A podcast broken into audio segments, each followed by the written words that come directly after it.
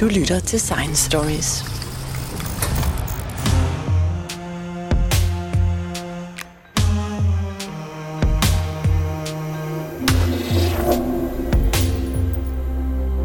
Vi er vant til at høre om gener og genomet som det sprog, der danner grundlaget for livets kode. I de senere år har man talt om proteomet, som består af de proteiner, som er resultatet af koden.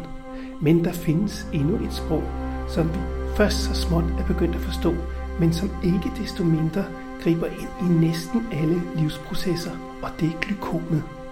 Glykomet består af alle sukkerstofferne, som indgår i vores energiomsætning, men også i kroppens genkendelse af sine egne og fremmede celler og hele immunsystemet.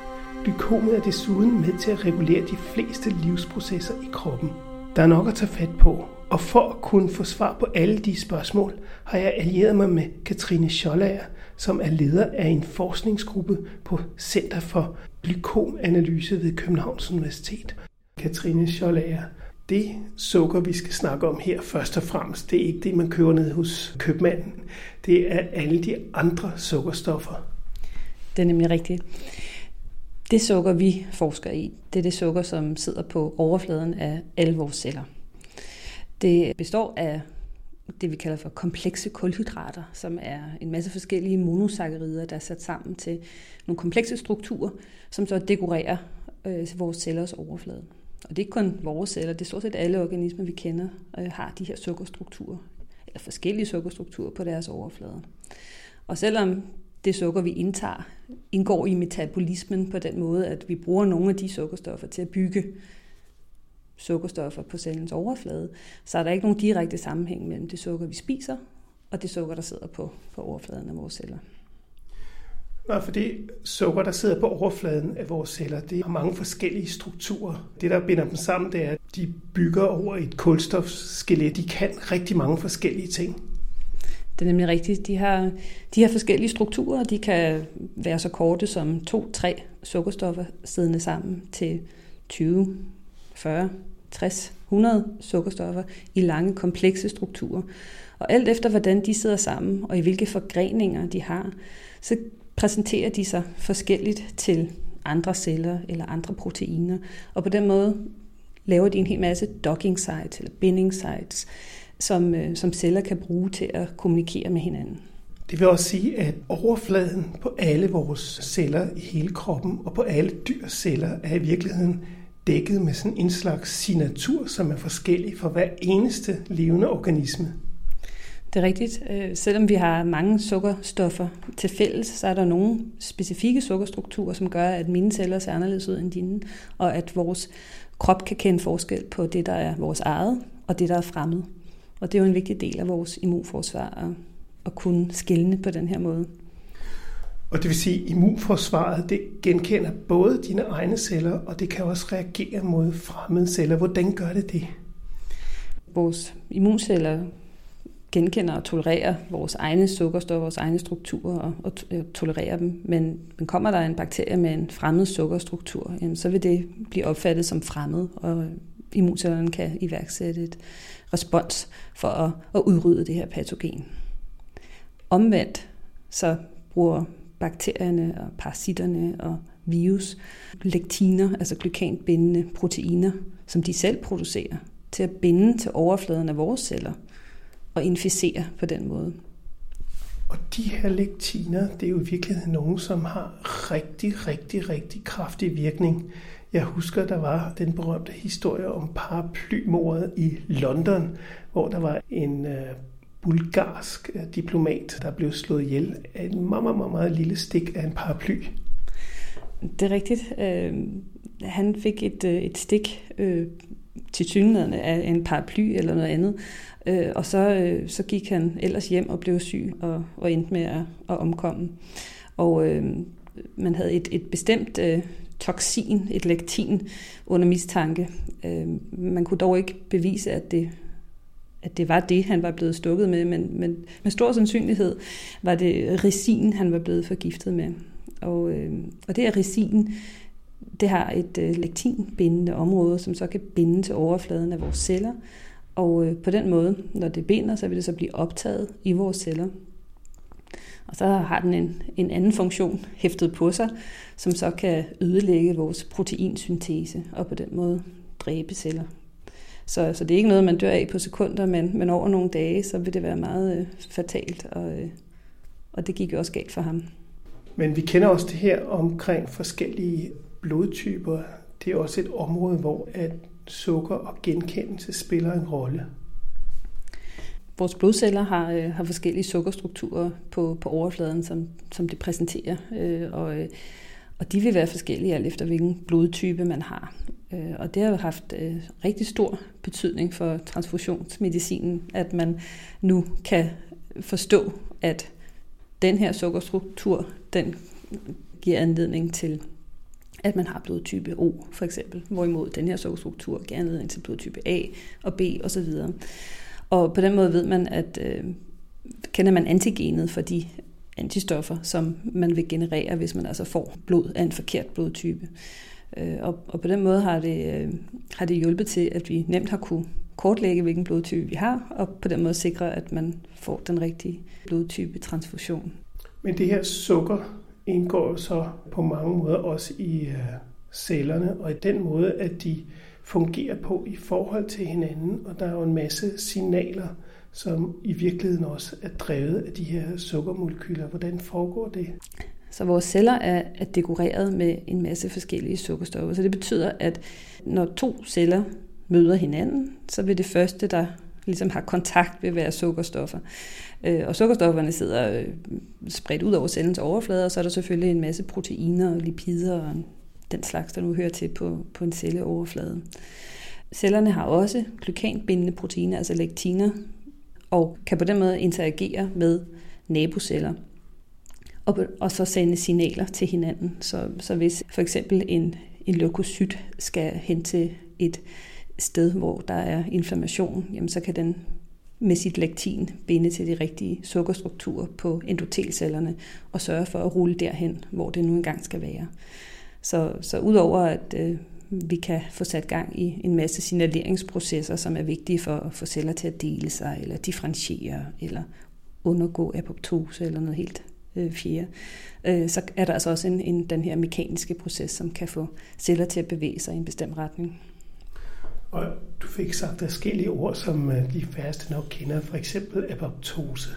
Der apoptose er den her kontrollerede celledød, hvor en, en syg eller skadet celle får et signal udefra om at undergå øh, kontrolleret celledød. Og når den kaskade, signaleringskaskade er sat i gang, jamen, så ender det simpelthen med, at cellen bliver pakket ned i nogle bitte små vesikler og fuldstændig forsvinder fra, fra overfladen. Når en celle undergår apoptose, så vil den præsentere nogle antigener på sin overflade, som den normalt ikke præsenterer.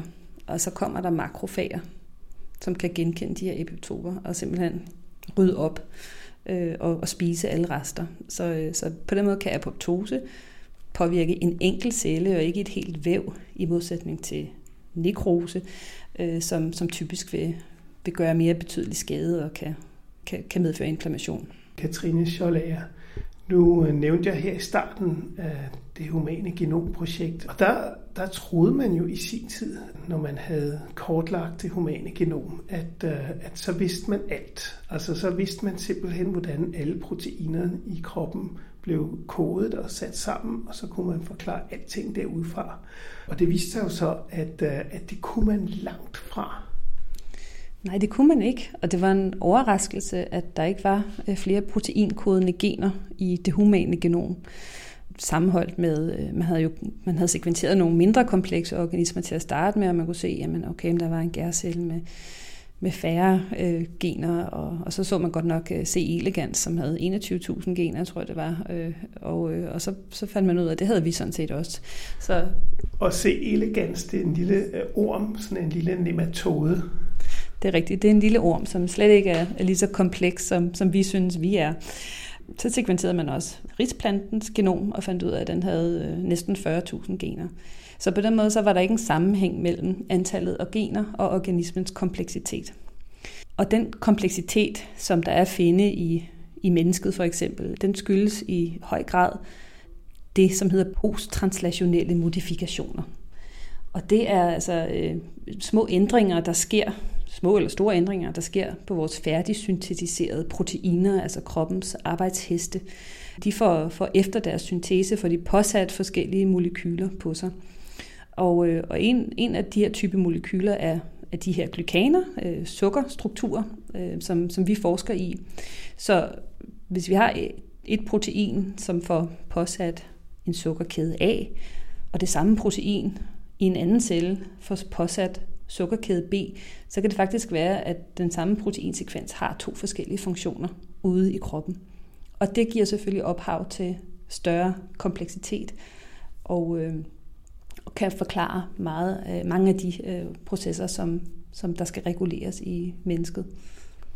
Men det gør det jo også øh, meget svært at forske i, fordi øh, lige pludselig har man ikke bare øh, generne og genstrukturen at forstå, og så kan man så se, hvordan et protein er blevet opbygget ud fra den struktur. Men bagefter skal man til at finde ud af, ikke nok med, at man skal finde ud af, hvilken sukkerstoffer der er på overfladen, men deres rækkefølge, altså den måde, de sidder på, betyder også noget. Det er rigtigt. Og vi plejer at sige, at øh, genforskerne de, øh, de har det lidt nemt. De kan slå op i en bog, og så kan de læse vores, øh, vores genom og vores sekvens. Men, øh, men også øh, glykobiologer. Vi kan, ikke, vi kan ikke slå op nogen steder, hvilke sukkerdekorationer vores, øh, vores celler ender med at have på overfladen, eller vores proteiner ender med at have, have påsat. Øh, vi er nødt til at prøve at, at forstå først, hvilke enzymer skal der til for at påsætte de her sukkerkæder, og dernæst, hvordan er de her enzymer reguleret i genomet. Men vi, men vi kan altså ikke gå ind i vores genom og læse, at den her celle vil have den her sukkerstruktur, hvorimod den her celle vil have den her sukkerstruktur. Men er det noget, der afhænger af den udvikling, som den organisme har været i, igennem, altså ligesom øh, enægget tvillinger har forskellige fingeraftryk, så har ens celler måske forskellige sukkeroverflade, netop fordi at, at den har oplevet noget andet i sin udvikling. Det kan meget vel være. Øh, vi ved faktisk ikke, hvordan vores celler regulerer, hvilke sukkerstrukturer, der skal ud på overfladen. Så, øh, så, så det, vil, det vil vise sig. Men man kan sige, at at under den evolution, som, som er sket gennem de mange, øh, sidste mange millioner år, der er der jo sket et øget pres på vores celler, som skal kunne øh, omstille sig til større kompleksitet og, øh, og skal kunne interagere med, med flere overflader. Og på den måde har mennesket for at kunne udvikle sig haft brug for at kunne sætte flere slags molekyler på overfladen, altså sætte flere spillere i spil, så at sige, øhm, som så kan drive flere komplekse processer. Men det er så ikke bare mennesker, det er jo faktisk alle dyr, planter og organismer i det hele taget, som har en, en sukkerstruktur. Og, øh, og det har bakterier og virus også. Det er rigtigt. De har, de har også sukkerstrukturer. Bakteriers sukkerstrukturer de er meget anderledes end, end menneskets. Øh, og det, øh, det er smart for, for bakterien øh, på sin vis. Øh, for det gør, at den kan, den kan undgå forskellige interaktioner.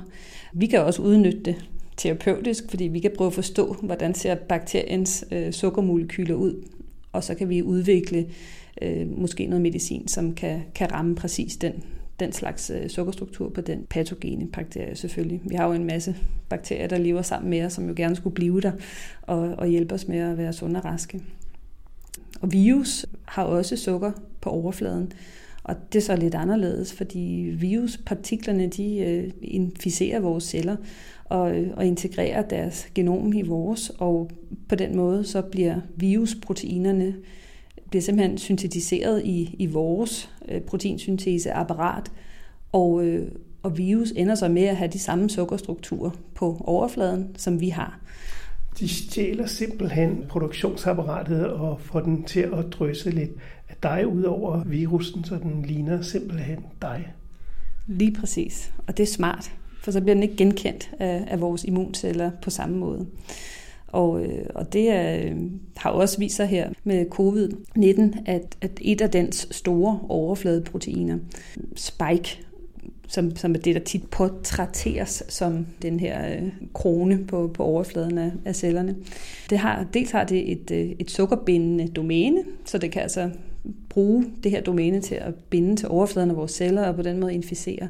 Og dels når den så har inficeret og, og øh, har øh, reproduceret sig selv, jamen så har den så masser af vores sukkerstrukturer på overfladen. Det er smart, fordi så, så, så vil den undgå den her immungenkendelse.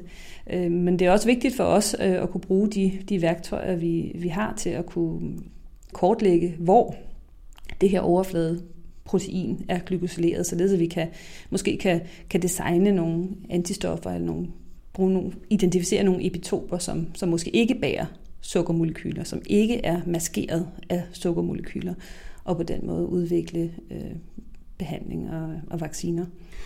Men er det ikke svært at gå ind og, og blande sig i, hvordan cellen bygger sine sukkerbelægninger op på proteinerne? Altså, det er vel ikke så enkelt at gøre? I en øh, organisme, nej, øh, vil, det, vil det være svært. Vi, øh, vi gør det så alligevel i vores forskning. For at kunne forstå, hvilken betydning de forskellige sukkerstrukturer har, så, så bruger vi sådan nogle øh, genetiske værktøjer til at, at slukke for forskellige gener, så vi kan, kan slukke for de gener, som koder for en bestemt slags enzym, der producerer en bestemt slags sukker. Og på den måde kan vi lave celler i laboratoriet, altså i cellekultur, med en slags sukker eller med en anden slags sukker. Og så kan vi så bruge de celler i forskellige biologiske assays og prøve at forstå, hvad den ene type versus den anden type gør for forskellige processer som celledeling eller differentiering eller kommunikation. Kan man forestille sig, at en celle slet ikke har evnerne til at glykosylere øh, proteinerne? Det korte svar er nej. Man kan ikke forestille sig, at, øh, at en celle kan overleve uden, uden sukkerstoffer på overfladen.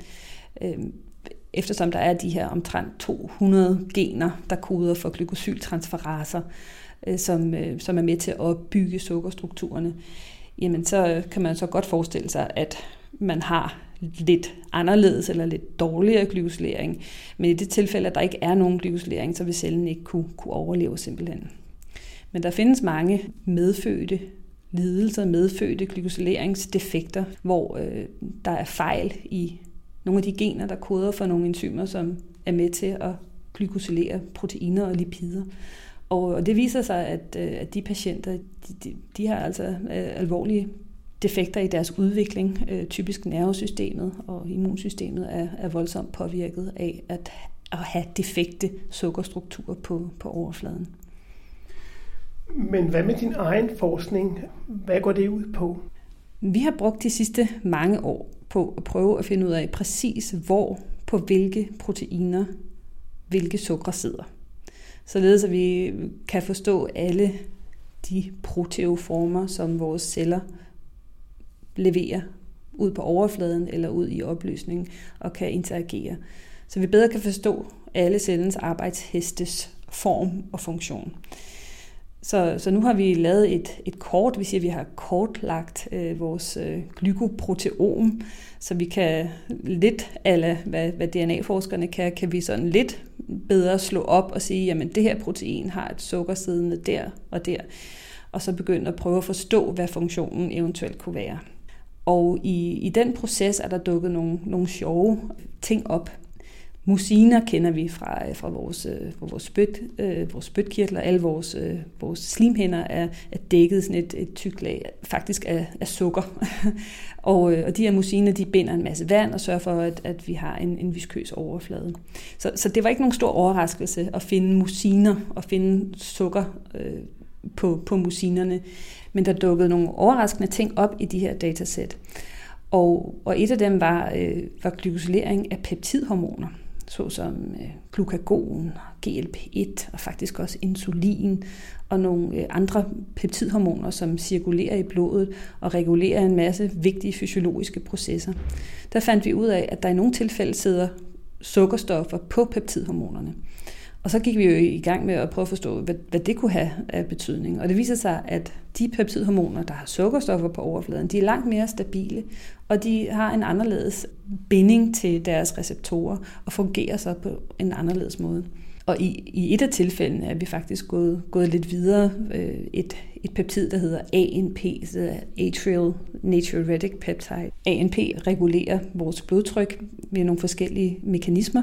Og, øh, og vi har fundet ud af, at der på ANP-peptidet sidder et sukkerstof, og det gør, at det binder anderledes til en slags receptor i forhold til en anden slags receptor.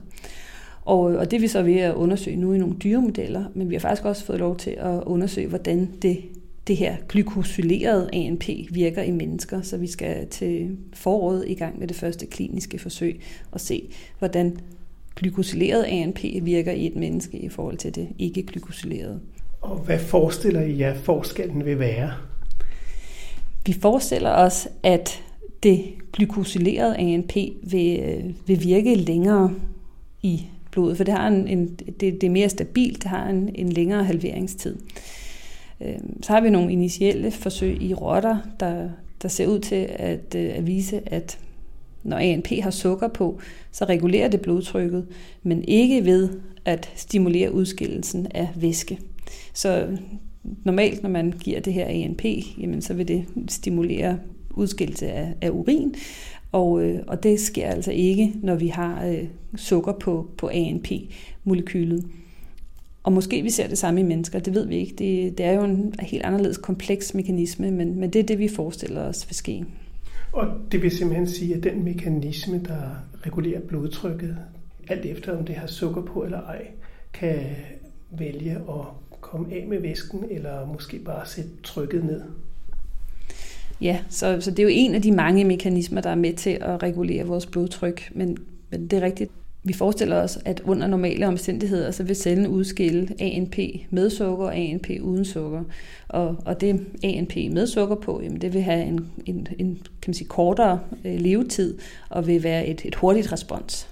Når vi går i gang med de kliniske forsøg til foråret, så, øh, så regner vi måske ikke med at se den helt store forskel. I sådan nogle indledende kliniske forsøg er det jo raske unge mennesker, som har et helt velreguleret blodtryk. Så vi, vil for, vi forestiller os faktisk, at selvom vi giver ANP, der vil kunne nedsætte blodtrykket, så vil de raske forsøgspersoners egne mekanismer regulere blodtrykket, så vi ikke ser det helt store udsving. Men når vi nu alligevel tror, at der kunne være en forskel, så er det fordi, vi ser, at ANP med sukker på regulerer blodtrykket lidt anderledes, i dyr i hvert fald. Således at det ikke kun er ved at regulere trykket i karne, men også ved at øh, regulere væskeudskillelse. Hvor præcis er det kort, I er i gang med at lægge? Er det sådan så, at I kan sige meget præcis, hvilke typer glykosyleringer der findes på de forskellige organer i kroppen? Hvor langt er I fra at lave det komplette glykosyleringskort? Vi er en bid vej, vil jeg sige. Vi er, men vi er et godt skridt på vejen. Vi har, vi har fundet en metode til at kortlægge præcis, hvor der sidder sukkerkæder henne. Men vi er ikke helt der, hvor vi kan sige, at på det sted, på det protein, sidder der den slags sukkerkæde. Så at skulle øh, sekventere hele sukkerkæden for et bestemt sted på proteinet er meget komplekst. Og det er der, vi håber, at, at forskningen vil bringe os hen, øh, men, men vi er der ikke helt endnu. Så det komplette kort øh, vil vi bruge de, de næste mange år på at, at producere. Og nu har man jo udviklet alle mulige redskaber til at lave gensplejsning. Altså man kan jo, man kan jo genkende gensekvenser på ens øh, genom. Man kan skære små bidder ud, og man kan blænde nogle af dem, så de ikke kommer til udtryk. Og man kan gøre rigtig mange forskellige ting. Blandt andet ved hjælp af det her CRISPR-Cas9, som er et nyt system, som er meget, meget præcist. Hvor langt er man med at kunne manipulere eller ændre på glykomet? Der på, på et celleniveau er vi ret langt, og, øh, og vi har øh, identificeret alle de gener, tror vi, eller de fleste af de gener, som er involveret i glykosyleringsprocessen. Og det er helt op til et par procent af, af vores genom, der faktisk koder for gener, der på den ene eller den anden måde er involveret i, i glykosyleringsprocessen. Og, øh, og vi øh, på, på celleniveau kan vi, kan vi manipulere med de her øh, gener, og så ved at, at prøve at slukke på forskellige forgreningspunkter i glykosyleringsprocesserne, kan vi jo så øh, begynde at forstå, hvordan de forskellige enzymer de virker i glykosyleringsprocessen. Men kunne man forestille sig, at man en gang i fremtiden ikke bare vil se på generne, men også glykosyleringen, og man måske vil være i stand til at reparere på forskellige sygdomme, som er afhængige af både genet og den glykosylering, der er kommet på proteinet, sådan at man, kan, at man måske kan i højere grad ændre på øh, blodtrykket, at man måske kan ændre på øh, blodsukkeret, man kan ændre på alle de her forskellige kropsfunktioner, som alle sammen skal være i ligevægt, det man kalder homeostase. Man kan sagtens forestille sig, at om mange år, så vil vi finde ud af, at der er specifikke glykosyleringsmønstre, som, som er afgørende for nogle af de her processer, som er dysreguleret i sygdom, og at man så vil kunne, kunne redde det. Men vi taler langt, langt ud i fremtiden. Og hvor langt er det? Uh, det er sådan et frygteligt spørgsmål, som man altid får som forsker. Det, det vil jeg slet ikke kunne sige, men, øh, men nok øh, langt efter min øh, karrieres udløb. Det bliver i hvert fald spændende under omstændigheder, og vi håber, vi lever til den tid. Tak skal du have, Katrine Schollager. Velbekomme.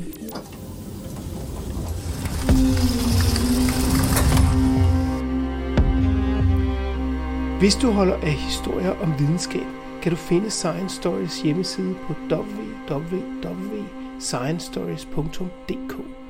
Vi er på sociale medier som Facebook, Instagram, LinkedIn og Twitter. Du kan finde vores podcast på de fleste podcastudbydere som SoundCloud, Podimo, Spotify, og hvis du bruger Apple Podcast, må du meget gerne give os en rating og en kommentar, så andre også kan finde os. Jeg hedder Jens Deget, og dette var Science Stories.